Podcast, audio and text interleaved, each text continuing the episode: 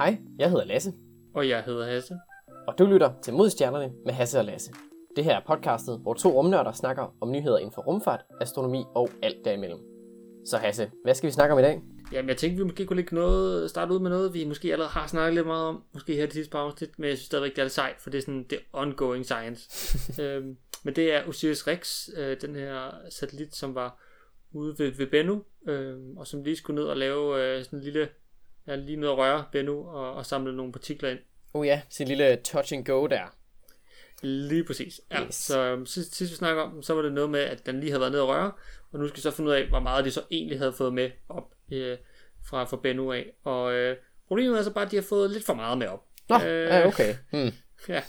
Øhm, så, så ideen er sådan, at øh, man kan tænke lidt på det som næsten en form for sådan, sådan rund sådan støvsuger, som sådan kommer ned og rør på Bennu, og så suger den simpelthen sådan øh, luft op i sig, hvis man kan tænke lidt på det sådan. Øh, problemet er så bare, at for at, jeg kan sige, at støvet og alle de her partikler fra Bennu skal komme ind i den her beholder, så skal den sådan, så åbner sig sådan to øh, flapper op. Øh, måske kan vi vise et billede af det i, i noterne til podcasten.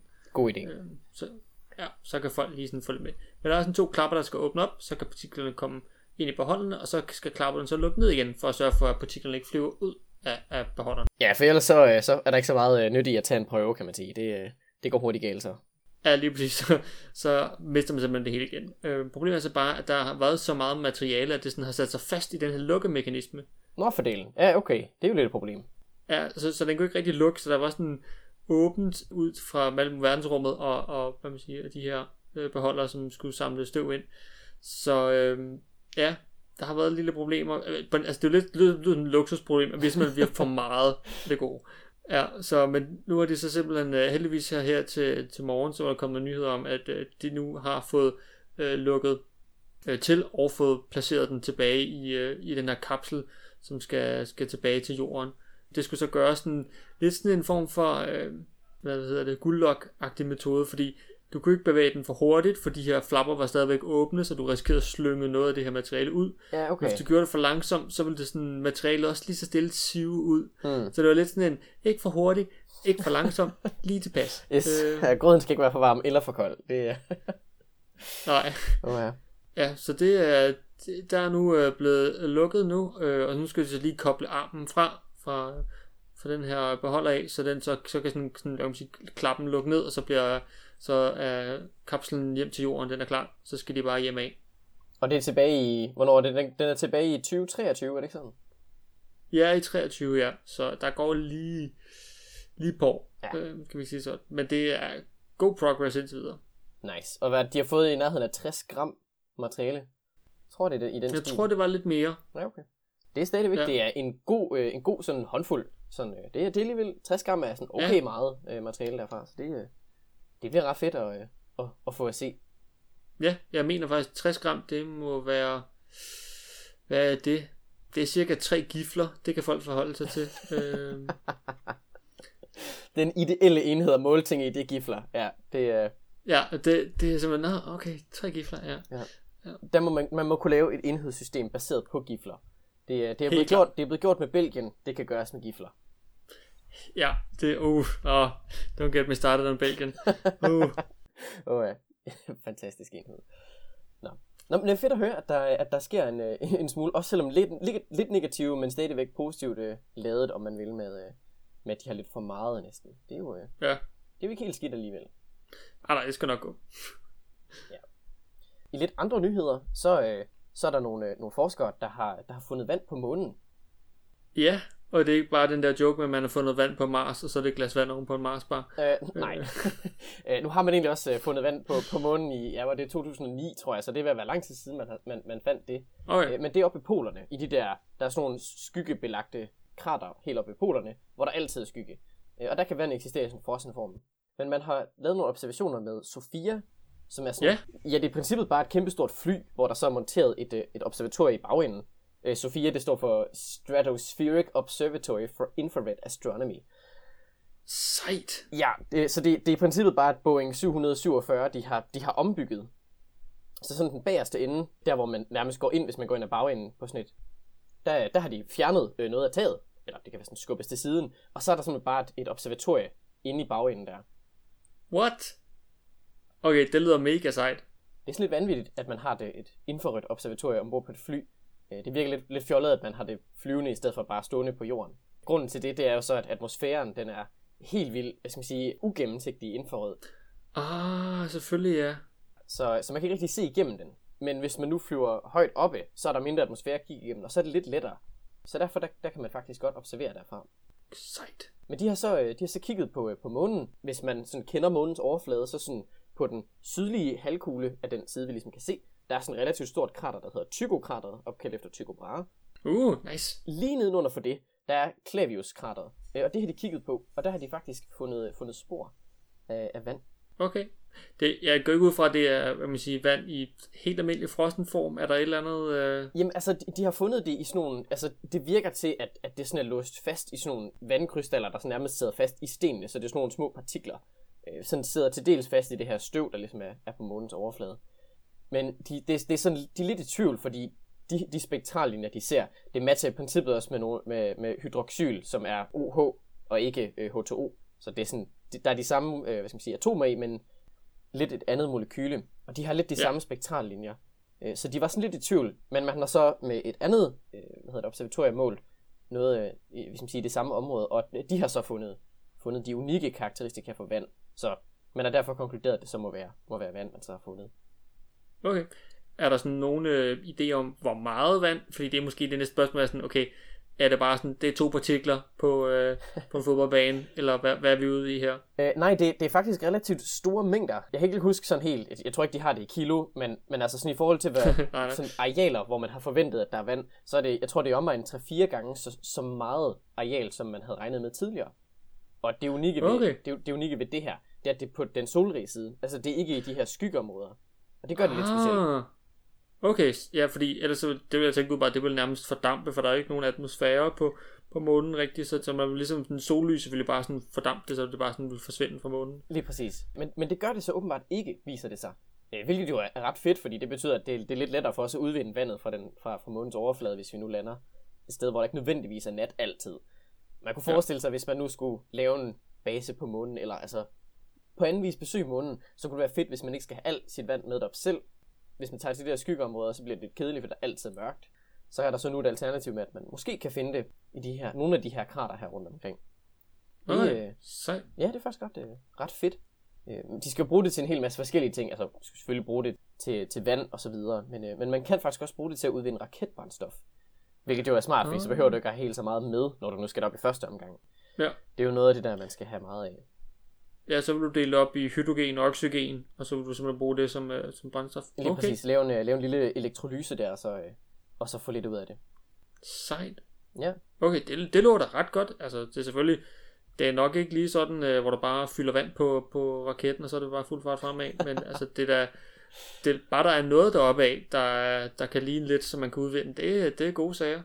Ja, det, øh, det, det, det, er ikke, det er ikke fordi, der bare ligger raketbrændstof sådan på, på månens overflade, man lige kan skåle op med en, øh, med en, med en kop eller noget. Men altså, der er i hvert fald der, der er muligheder for, at man måske kan, kan udvinde noget af det. Og så er der i forvejen en hel masse snak om, at man kan begynde at, at mine efter hydrogen og så videre, hvilket jo også er, er lidt et... Øh, eller hvad er det helium, de vil mine efter? Helium 3? Ja, jeg mener, det er helium 3, man gerne vil have, til, til, hvis, når man gerne vil bruge til fusionsreaktorer, tror jeg, det, det, det kunne være en mulighed. Spændende. Men øh, måske fra apropos raketbrændstof, skulle vi så øh, hoppe ind i denne ugens deep dive. Det er jo øh, den del af podcastet, hvor vi snakker, dykker ned i et emne, dog med svømmefødder og ildtang på, så alle kan være med. Øh, og jeg tænkte måske lidt, vi kunne snakke om, nu kommer vi lige stille lidt på det sådan lidt, hvordan flyver en raket egentlig? Altså hvad skal der til for at få en raket afsted? Vi har nok alle sammen set måske til, til nytårsaften, der ved vi godt, hvordan en raket øh, kommer afsted. Det er bare krudt, og så er det tændt og så er det bare fuld fart fremad op mod himlen. Og det, det er lidt anderledes i sådan en raket-raket, som vi måske typisk øh, begår os med, med, som skal sende ting i rummet. Man kan sige, øh, man kan sige sådan en almindelig nytårsraket er jo faktisk ikke så meget anderledes end, øh, end, en, end sådan en øh, rumraket. Det er princippet lidt det samme. Brænd et eller andet af, så du skubber det ud i bunden, og så kommer du opad. Sådan er det, øh, er det princippet også grundprincippet i, i de her store raketter. Ja, fordi, hvad man siger, typisk, så øh, man det er måske lidt mere, øh, den store forskel er, at der er fast brændstof, og så er der flydende brændstof. Det er sådan, de er sådan typisk de to store kategorier, man sådan kan dele det ind i. For din kære nyhedsraket, det er fast brændstof, og så øh, det tænder man simpelthen bare ild til, og så brænder det simpelthen bare igennem. Men typisk så bruger man altså det mere flydende brændstof, fordi det er mere, både det er mere effektivt, øh, og man kan opbevare det på forskellige måder. Men typisk så skal man altså have noget i sådan flydende brændstof, så skal man have noget, der brænder, og så er noget, der er enten flydende oxygen, eller noget, der kan give ilt. Så det, det er sådan typisk det, så blander man det sammen i bunden af raketten, og så sætter du ild til det, skubber det ud igennem dysen dernede i bunden, og så, øh, så kommer du altså op af. Så det er sådan, det er sådan de to store. Så typisk så fast brændstof, sige, der er sådan, det er lidt en anden måde, øh, man, det bliver gjort på.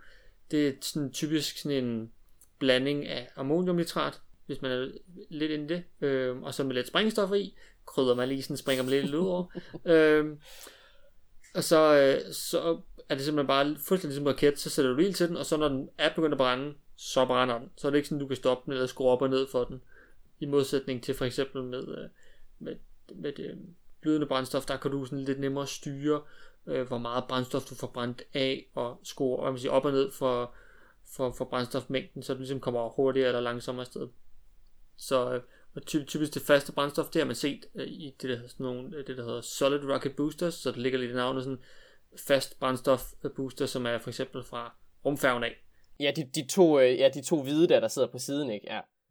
Øh, og der er vel også, øh, Ariane-raketterne bruger vel også, er det ikke også, hvad hedder det, fast brændstof i deres to booster, de er på siden?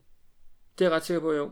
Hvordan jeg tror også, SLS kommer til at genbruge de samme øh, Solid Rocket Boosters, som øh, rumfærgerne havde. Var det ikke sådan?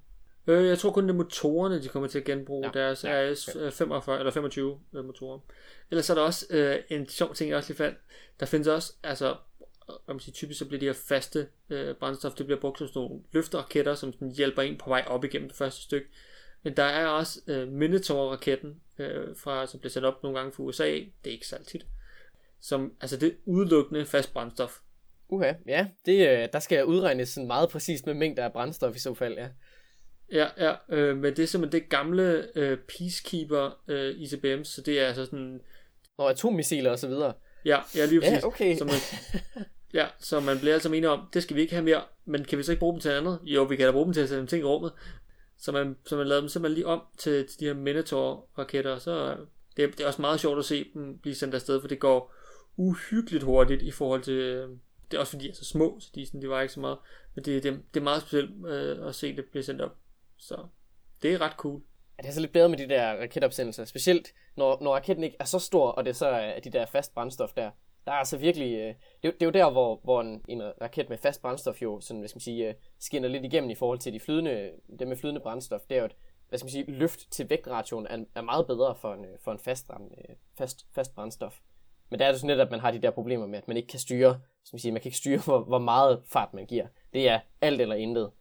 Men til gengæld så er de så øh, ja, bedre på den anden front. Men øh, jeg tror oftest, der bruger man jo egentlig de flydende. Det er, det er lidt federe, at man sådan kan justere på gassen, om, øh, om man vil. Sådan undervejs. Det er, det er lidt federe. Ja, lige præcis. Også især, der er et tidspunkt omkring, typisk omkring sådan et minut inden i opsendelsen, som er det, det, vil sige, det område, den fase, man kommer igennem med raketten, som hedder Max Q, som er sådan der, hvor der er allermest tryk på sådan hele strukturen af raketten.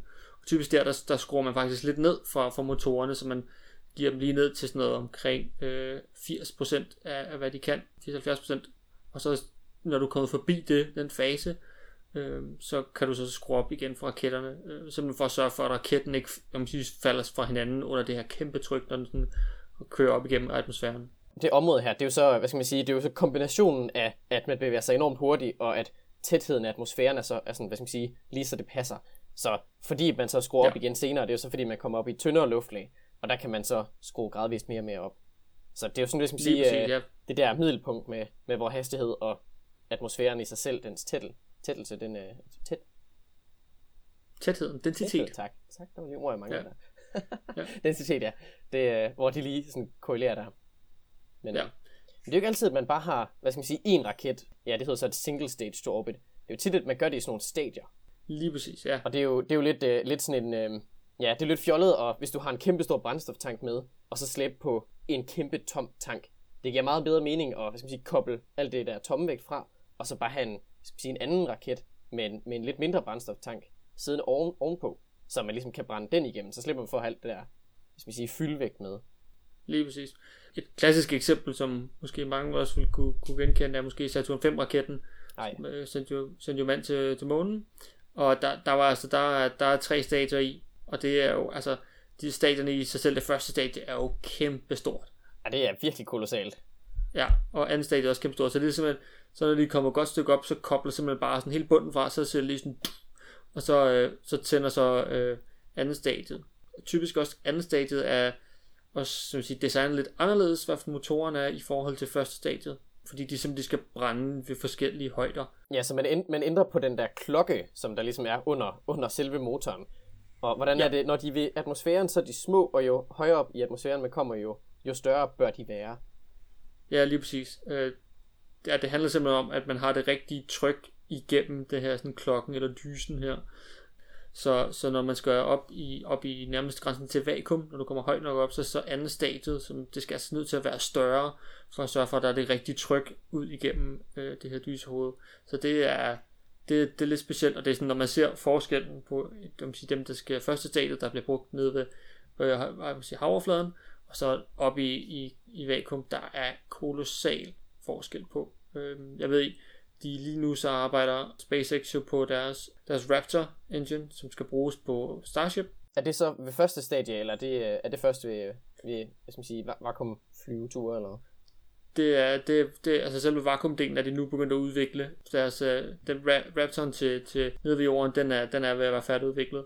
Men vakuumdelen skal nu til at udvikles, og sådan, den første prototype her, altså den der klokke, den ser fuldstændig vanvittigt stor ud. altså det, sådan, det giver overhovedet ikke mening, hvor stor den er. Ja, okay. Ja, Det virker godt nok nogle gange lidt, øh, lidt, lidt fjollet, at, øh, at det skal laves sådan, men øh, ja. Ja. Og hvordan er det så, nu, nu har vi jo nævnt det der med stadier, og det er en god idé at smide vægt og sådan noget. Og det, det kommer jo af den der raketligning, er det ikke sådan? Der er noget Jo, med forhold præcis. mellem, hvor meget brændstof og hvor meget du så kan sende i rummet. Det, der er et eller andet der. Hvordan Ja. er det nu? ja der, er, en- der er en ligning, og jeg ved ikke, om vi, om vi skal, det er måske svært at forklare en ligning over en podcast. Vi skal, Øh, skal vi sige sådan? Ja, for at forestille, ja. Øh, Jeg tror, eksemplet, sådan, man måske nemmere kan forholde sig til, det er, hvis du nu har 100 kilo raket. Øh, hvor meget af den raket skal så være brændstof, og hvor meget af den kan du få løftet ud i rummet. Så er det lidt nemt, hvis du nu har de her 100 kilo, så skal cirka 85-90 kilo, det er lidt afhængig af, hvilken raket du har, det skal simpelthen være brændstof, og så kan du få de sidste 15-10 kilo, det kan være ting, du kan sende i rummet. Så der er så bare det, at hvis du så begynder at bruge stadier, så det er, sådan, det er også lidt derfor, man bruger det, det er simpelthen, så kan du udnytte, at du smider noget vægt, som vi lige snakker om, så er det simpelthen, at du bliver lettere, så du kan nu kan transportere endnu mere op i, i rummet. Så der er sådan ligesom, man prøver sådan at udnytte, at man i stedet for bare har en stor løfteraket, der brænder op hele vejen op til rummet, så har man de her stadier til ligesom at gøre det nemmere at få udnyttet alt brændstof mest korrekt. Så det er simpelthen sådan et, øh, et optimeringsspørgsmål, kan man sige. Fuldstændig lige præcis. Bare sørge for, at man kan udnytte en sidste lille dråbe af alt det brændstof, så man kommer helt ud til, til hvor man nu gerne vil hen af. Smart. Oha. Hvor, hvor er det nu egentlig, man plejer at sige, grænsen til rummet, den går? Er det ikke sådan noget, er det Carnot-linjen? Nej, hvad er det ikke Carnot-linjen, hvad den hedder? Det er Kalman. Kalman-linjen, ja tak. Ja, Og det er... Ah, hvad det er er det? omkring... Uh, der er lidt diskussion. Jeg ved ikke, om vi skal starte den diskussion nu. Øh, men det er omkring 80-100 km oppe over jordens overflade. Der er lidt sådan en... Jeg ved, der er lidt en diskussion om, om hvor man siger, tager den ene eller den anden. Men sådan noget, jeg, jeg kan bedre måske, jeg er lidt til den der 100 km, det der er rundt tal, det kan vi forholde os til. Men lad os sige, du er, har en bygget hjemmelavet raket, og den kommer over 80 km, så vil jeg også lidt sådan, ja, det er sgu også godt gået. Det, den kan vi godt kalde rummet. Men altså, hvis vi siger sådan rigtigt, så vil jeg nok sige sådan 100 km. Det, øh, Ja, det, det er der, det begynder at være, at være rummet. Ja. Ja. Og det er, jo, det er jo ikke sådan, at, at, at der er sådan en, en grænse, hvor det er sådan, så når vi op på, til Karman-linjen der på 100, øh, 100 km, og så siger det bare, så er der rum. Det er jo sådan, det er jo en, en, en eksponentielt aftagende, hvad skal man sige, mængde, mængde af atmosfære, du kommer Ja. igennem. Så der er jo stadigvæk luft derude. Der er bare meget lidt. Og, og der er ikke, jeg tror, Karman-linje, det er, der er definitionen jo, om du kan styre dit fartøj med aerodynamik, eller om du skal til at, styre det på anden vis. Og aerodynamik, Ja. det er jo sådan, skal sige, fly og så videre. Så hvis du er under de der 100 km, så vil du så kunne bruge vinger og så videre til at styre dig med. Og hvis du er over, jamen, så skal du bruge raketter eller, eller på anden vis styre dig. Ja, så det er lidt sådan, det er lidt sådan et specielt sted, fordi ja, som jeg siger, det er ikke bare sådan en hård, fin grænse, men det bliver sådan lidt sådan en, en overgang. Men sådan de der, ja, 80 km, så der vil cirka være være der. Så, Sorry. og hvordan, jeg tror, der er nemlig vist nok nogle, øh, nogle amerikanske piloter, øh, som ikke teknisk set er astronauter, men de har fløjet i nogle af deres testfly, som har været over de der, jeg tror ved i amerikansk, øh, når man definerer det der, der er det over 80 km, så er man teknisk set astronaut, fordi så har du været i rummet, øh, hvor det internationalt set vist nok er 100. Og der er nogle af de der amerikanske testpiloter, som lige har været over den der grænse med, jeg kan ikke huske, hvad for nogle fly det er, det er nogle af de der testfly, de har kørende. Jeg kunne forestille mig, det er måske sådan noget som en SR-71, der der Blackbirds, der er nogen, der er sådan en udvikling af dem. Ja, det, det er nemlig nogle af de lidt senere end dem, fordi de kom, kom kun vist op i 31 km eller sådan noget. Men der er nogle af dem, som, som sådan, det har været sådan kortvejt, at de lige har været op over de her, de her 80 km. Men der har det lige været over. Jeg tror, det er 12 eller 13 øh, testpiloter, som teknisk set er astronauter, uden at have taget nogle astronautuddannelser overhovedet. Det, øh, det nice. var lidt sjovt. Og der er så to af dem, som så er, er officielt astronauter, fordi de har været over 100 km sådan på verdensplan blevet anerkendt der. Så det er sådan lidt... Øh, man kan godt uden at være astronaut blive astronaut. Bare sådan lige. Ja. Ja, jeg mindes også måske bare lige som et, et godt eksempel, og måske også en, en god anbefaling. Øh, der er filmen First Man, øh, som handler om, om Neil Armstrong og generelt sådan Apollo-programmet, øh, men omkring hans, hans man sige, udvikling til at være astronaut. Og der er sådan lige, jeg tror næsten filmen starter ud med en scene, hvor han er oppe i de her luftlag, og hvor han, altså det vil sige, der er han lige på, på grænsen til at blive, til at komme op i rummet, og der, der, kan man sige, der skubber han sig faktisk af atmosfæren, så i stedet for at han sådan flyver i atmosfæren, så, sådan, så hans fly rammer atmosfæren og bliver sådan bounced op igen. Øh, det er en meget speciel ting, men det, ja, det, det er i hvert fald helt klart en anbefalesværdig film, uh, First Man. Uh, der er masser af fede rumting i, og ting man godt lige kunne, uh, kunne nørde lidt om. Helt sikkert. Det er virkelig en, en fabelagt film. Den er, ja, den kan anbefales. Nå, øh, tilbage til raketterne. Ja. Jeg tænker, øh, vi kan måske også lige hurtigt nævne nogle af de der sådan lidt mere eksperimentelle typer af raketter. Fordi det er jo ikke, uh, det er jo ikke fordi, at man bare, nu har man to slags, der er fast brændstof og flydende, og så er det dem, man bruger, intet andet. Der, der er jo ved at blive udviklet en hel masse forskellige typer. Øh, vi har jo allerede nævnt dem en gang før, de her iondrev, hvor det er sådan, hvad skal man sige, uh, yeah. ioner, man skyder ud. Formelt set, så hedder de vist nok Hall Effect Thrusters øh, fordi de bruger et magnetfelt til ligesom at skyde de her ioner ud øh, ved at generere ja. et elektrisk felt, så kan man sådan skubbe dem væk. Ja. Ja, på den måde, så, så fungerer det lidt ligesom, i stedet for at man sætter brændstof ud, så er det så bare ioner. Så ja, det, er lidt, det er lidt på samme måde. Ja, det er elektrisk lavet gas, man bare sådan skubber væk fra sig. Ja. Og i forhold til raketbrændstof, jamen, altså det er ikke særlig, hvad skal man sige, øh, du får ikke hurtige fartboosts. Det, det tager rigtig lang tid. Til gengæld er det meget mere effektivt. Det er sådan helt åndssvagt så effektivt, det er. Ja. Og det er derfor, man, man bruger det til mange af de her sådan, ja, deep space missioner, hvor det sådan er noget, der skal langt væk. Der kan det virkelig svare sig at have de her, ja, ikke så, ikke så hurtige, men meget effektive motorer. Ja, og typisk så holder brændstof i rigtig lang tid, så det er ikke sådan noget, du brænder af på, hvad ved jeg, to timer, men det er sådan noget, du virkelig kan, kan, kan bruge så igen, også fordi det er så effektivt. Øh, måske en lille side note, det er, at jeg tror godt, jeg må nævne det her, ellers så klipper vi det ud af podcasten, at vi har hos ESA en Hall Thruster. Øh, jeg har en, en kollega, som har sendt øh, billeder derinde fra. Okay, øh, så, sejt ja. Ja, så det, ja, okay, det er pænt cool. Ja, det er lidt sejt. Nå. Uh, en anden uh, type uh, meget eksperimentel, uh, altså som ikke engang, den er ikke blevet sendt ud i rummet endnu, det er jo de her uh, Saber engines. Jeg ved ikke, om du har hørt om dem.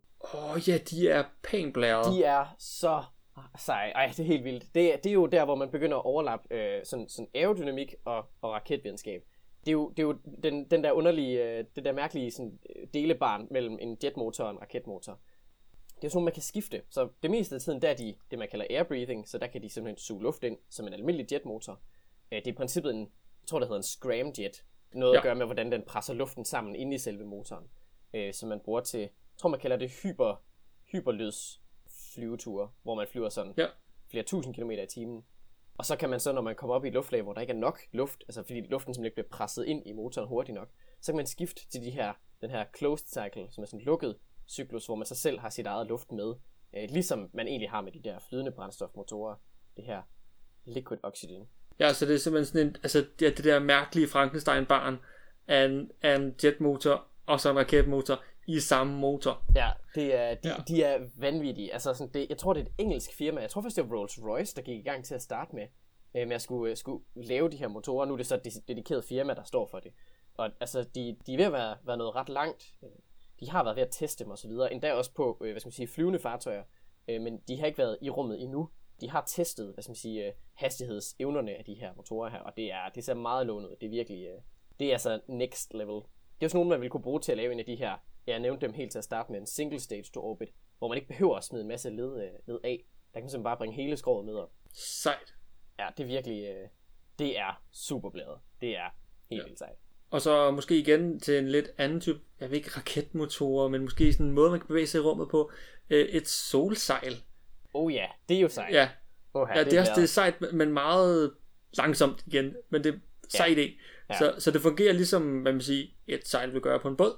Problemet er bare, at det ikke er hvad man siger, vinden eller luften, der sådan skubber, dig i gang. Det er simpelthen sådan partikler fra solen af. Så sådan, hvad man siger, solvinden, man kan kalde det, det i stedet for det er luft, så er det simpelthen bare sådan lavet partikler, der, der strømmer ud fra solen af. Og hvis du så har sådan et meget, meget, meget, meget tyndt spejl, eller undskyld, sejl, der så er sådan, sådan foldet ud, så hvad man det tryk og de partikler, de skubber sig til øh, dit sejl, og hvis du så, det her sejl skal være meget, meget let, og det er typisk også designet til meget, meget små kan man sige, satellitter eller ting, man skal sende ud af rummet, så, så kan man simpelthen sådan få et skub fra, fra, fra solen af til at komme videre. Igen, det er lidt ligesom de der jordrevne eller Hall de er overhovedet ikke hurtige, som i overhovedet ikke. ja, det er virkelig, øh, det, det er helt vildt effektivt, men det er ikke, det er ikke til de der sådan, åh, oh, nu skal vi lige ændre retning. Det er øh, slet, slet ikke. Nej, nej, så det, det er mere sådan, men på den tid, så skal du bare folde det ud, og så har du i princippet brændstof nok, fordi du kører bare på solvinden. Det, det er meget specielt, men i princippet en virkelig god idé. Jeg ved, der har været sådan noget snak om, og skulle vi sende en sådan imod, var det, jeg tror det er øh, Proxima Centauri, som er det tætteste uh, hvad man siger, stjernesystem på, på solen. Og simpelthen fordi, at det vil være sådan en konstant acceleration. Så vil hele tiden blive skubbet på vej derudad, og så man simpelthen bare accelerere mere og mere og mere op. Og på den måde, så vil man faktisk kunne komme ud på sådan en relativt hurtig, siger vi lige med godstegn øh, her. Der er, det, det vil stadigvæk tage pænt lang tid, men du vil ikke skulle, altså det vil, du vil ikke skulle bringe helt vildt meget brændstof derud, og hvad man siger generelt, du vil aldrig kunne få en raket derud, fordi du vil, altså du vil skulle have så meget brændstof, at det vil overhovedet ikke give mening. Øhm, Ja. Så det her, så kan du sige, så slipper du for brændstoffet, fordi du bare lider på solvinden, så vi sige sådan. Ja, det vil være lidt, øh, lidt, lidt mere smart der. Øh, det skal jo nok nævnes, øh, det er altså ikke nogen af dem, det, altså det her solsejl, det, det er når man er ude i rummet, og så gerne vil videre fra at være ude i rummet. Det er sådan en, ja. Du kan ikke bruge den til at komme væk fra jorden overhovedet, det er slet ikke nok. Øh. Nej. ja, og det, det kan man heller ikke med de der hall thrusters i øvrigt. Det er, der er igen, der er ikke nok skub til du kan komme væk fra, fra jordens, øh, jordens tyngdefelt. Der skal altså mere til. Nej. Men det er mere, når man er derude, så er de... Ja, så er de virkelig... Øh... En motor, som til gengæld måske kan få os derud, det er jo så de her nye Aerospikes, som igen også er sådan en ny eksperimentel fancy ting. Ja, Så nu nævnte vi før det her med, at, at den klokke der, man ligesom skal bruge den her, den her dyse, som, som skal lukke, lukke gassen ud, den, øh, den skal så gerne ændre sig afhængig af, hvor, hvor højt op man er i atmosfæren. Der kan man så bruge skal man sige, selve trykket fra gassen til at lave en, en virtuel klokke, ved at, ved at have sådan en, en underlig sådan, sådan spids, hvor man sådan sender gassen ind på, så laver den sin egen klokke. Det ser super sejt ud. Det ligner nærmest bare, at man har sådan en lille sådan spids i bunden, og så er der sådan en ring, hvor man så lukker gassen ind fra, helt op i toppen af den her kejle ja, spids. Og så kan man simpelthen, ved at gassen den falder ind på den der spids, og så ryger ud igen, så får man lavet en klokke, som passer med det tryk, der ligesom er det sted, man, man befinder sig. Det er sådan mega eksperimentelt. Man har, man har kun lige testet, at de overhovedet virker. Det er sådan i de sidste fem år, man sådan er begyndt at udvikle de her. Øh, men Aerospikes, øh, jeg tror det, det er firma, der hedder, de kalder dem okay. DARTS. Står for et eller andet, Okay. øh, øh, hvad er det, Aerospike Rocket Thruster, eller sådan et eller andet den stil. Øh, de ser helt vildt underlige okay, ud. det lyder og, pænt øh, sejt. det er virkelig, det er next level øh, stof. Fordi man er vant til sådan en raketmotor, okay, men det, der er sådan noget mekanik op i toppen, og noget med at få, få brændstof ind, og så har man den der store klokke. Herved, der i stedet for den der klokke, så er der bare sådan en lille, underlig sådan kejleformet spids. Det ser lidt spøjst ud. Det er virkelig øh, Ja, okay, nu ser next level stof. Jamen, jeg, jeg, når du snakker så godt om det, jeg må gå ind på, på Google og se. Det ser virkelig mærkeligt ud. Det ser helt vildt under, men er sådan, det der, det kan jeg slet ikke bruge til, og det, det skulle åbenbart være bedre. Altså det skulle være mere effektivt end almindelige, øh, de her klokker, eller man skal sige, de der dyser. Så øh, det kan være, at det bliver det, det nye sort, når de nogle gange får, får udviklet det lidt. Man kan lave det i alle mulige Ja. forskellige former. Det skal ikke nødvendigvis være sådan en, en, hvad skal man sige, kejle. Det kan også godt være sådan nogle aflange, sådan firkantede, øh, skal man sige, dyser. Det, det er lidt svært lige at Ja, forklare. slaglange flader, ja. Ja, lige præcis, præcis. Sådan nogle, øh, sådan nogle ja, sådan wedge nærmest. Ja. En kile. Så man kan lave dem på alle mulige forskellige måder, men Ja. det, er, øh, det er sådan lidt en, øh, et, et sjovt nyt felt med de her aerospikes, som de hedder. Det, faldt jeg lige over, det er sådan lidt interessant. Okay. Ja. Ja, igen, vi må nok lige smide et billede, øh, så folk lige kan gå ind og kigge på det her efter ja, det, øh, i podcasten. Det, de ser meget spøjst ud. Det er virkelig, øh, ja, det er så lidt, øh, lidt mystisk. Men, øh, men meget, meget spændende. Det, øh, det, er ret, øh, det er ret sjovt med de der nye typer. Der bliver jo forsket i det hele tiden. Det er jo, øh, man vil jo gerne finde, finde hvad skal man sige, øh, nye, øh, nye måder at komme i rummet på. Det er jo ret dyrt med alt det brændstof ja. og sådan noget. Så. Ja, lige præcis. Og der blev også, hvad man siger, udviklet bare inden for de, de klassiske, man har med flydende og fast brændstof, fordi altså med flydende, der har vi jo så lige set med, med de Raptor-motorer, som er sådan, det der hedder en full flow stage motorer, som er sådan, i, i drømmen og ideen har været der i meget lang tid, men det er den første, hvad man siger, færdigudviklet, som faktisk virker på sådan stort, øh, på stor skala, så det, øh, det bliver også, altså, der kan man virkelig få udnyttet al effektiviteten, og øh, det, er, det er virkelig sejt. Og en lille sjov ting, nu vil vi bare lige snakke om raketmotorer, der er lidt, der er lidt sjovt. Øh, jeg vil sige, F1-motoren, som sad på Saturn 5-raketten, som altså ligesom løftede afsted, der fordi man vil sørge for, at jeg vil sige, den der dysehoved der, det ikke skulle blive for varmt, så vil man køle den ned. Og man, altså, hvad man siger, så skal man køle ned. Typisk en rigtig god idé, det er at køle ting ned med væske. Det plejer at være rigtig effektivt. Ja. Så spørgsmålet er så, har man lige noget væske ombord? Ja, ja, det har man. Eller brændstof.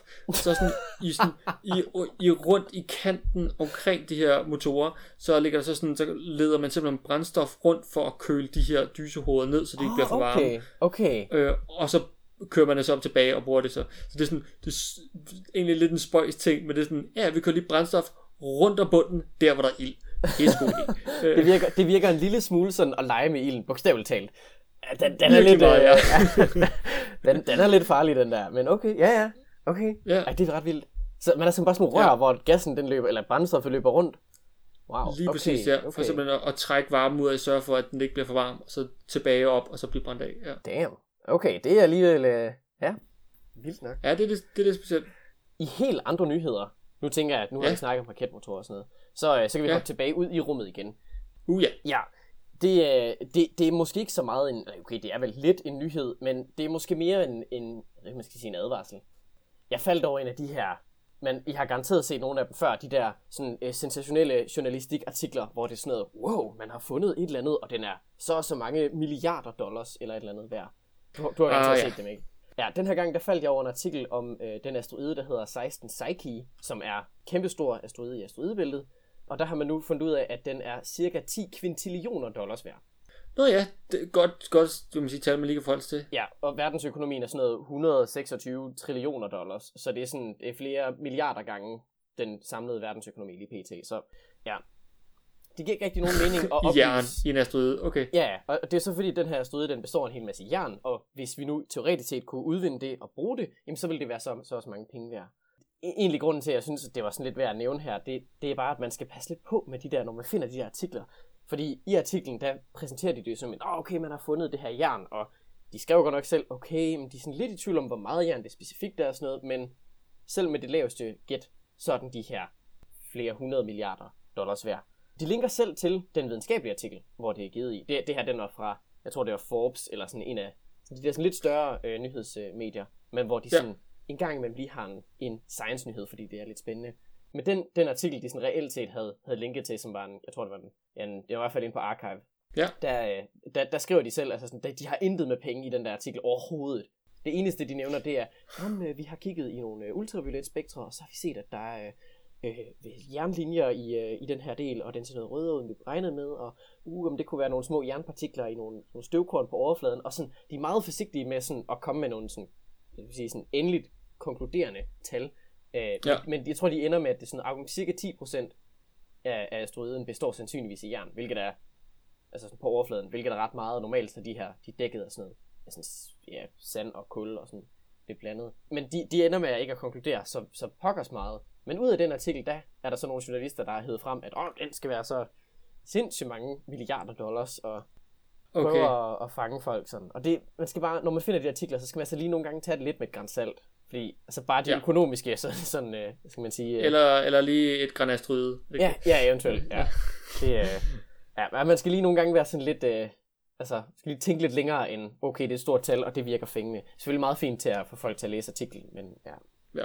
Det er lidt, øh... Men generelt, altså sådan, altså minedrift i rummet, begy- altså det er, ikke en, det er ikke en metode, der lige sådan tænker, at nu kommer vi til at tjene en masse millioner næste år. Men ideen af det er jo, altså, altså, pænt sej alligevel. Altså hvis du, især fordi der måske kan være nogle lidt, øh, sige, nogle grundstoffer, som man måske ikke lige har forfærdeligt mange af hernede. Nu er det godt nok lige jern her i den her artikel, på den her asteroide, men det er mere sådan, ideen i, at der måske, at det på sigt, og vi snakker meget, meget, meget, meget lang sigt, at man så simpelthen kan, kan udnytte og udvinde de her asteroider, det, det er pænt sejt. Helt sikkert. Det er virkelig, øh, det er jo der, hvor at, at asteroidebæltet jo er lidt, øh, det, øh, er ikke fordi, at, at vi snakker i ressourceproblemer lige pt, men hvis vi netop skal tage fat i de lidt mere sådan eksotiske grundstoffer, sådan noget iridium eller guld for den sags skyld, platin osv., det er nogle gange lidt lettere at skaffe i større mængder, hvis man tager til et andet sted. Også så slipper ja. vi for, hvad skal man sige, rive jorden fra hinanden for at få fat i det. Så kan vi nøjes med at ødelægge den her lille tilfældige sten i rummet. Det er, ja. det er lidt bedre, kan man sige. Så ødelægger vi ikke vores, ja. eget, vores eget hjem. Ja, det er vi efterhånden været at være ret gode til. Ja, det, det øver vi os jo øh, ret grundigt i. Nå, øh, den der asteroide i øvrigt, i sig selv er den faktisk ret spændende. Den står jo for 1% af, af massen i asteroidebæltet, hvilket er ret meget. Det, den er pænt stor. Wow! Ja, den er sådan noget 200 km på tværs, så den er, den er stor. En asteroide er verden kæmpe. Okay, det er jo, altså, det er jo grænsen til en måne. Ja, det er, den er på størrelse med, med, med sådan en, en lille dværgplanet, vil jeg nok sige. Den er, den er sådan lige næsten dværgplanet. Men teknisk set, så er den ikke stor nok til at være, være rund, så. Okay. Men, øh, men man har faktisk en, en planlagt mission. NASA sender deres Psyche-mission, opkaldt efter selve asteroiden. Den skal der ud her om, jeg tror det er 2022, den bliver sendt op. Så, øh, så der er øh, mulighed for at undersøge den lidt nærmere. Sejt. Ja, det er lidt, øh, det er lidt spændende.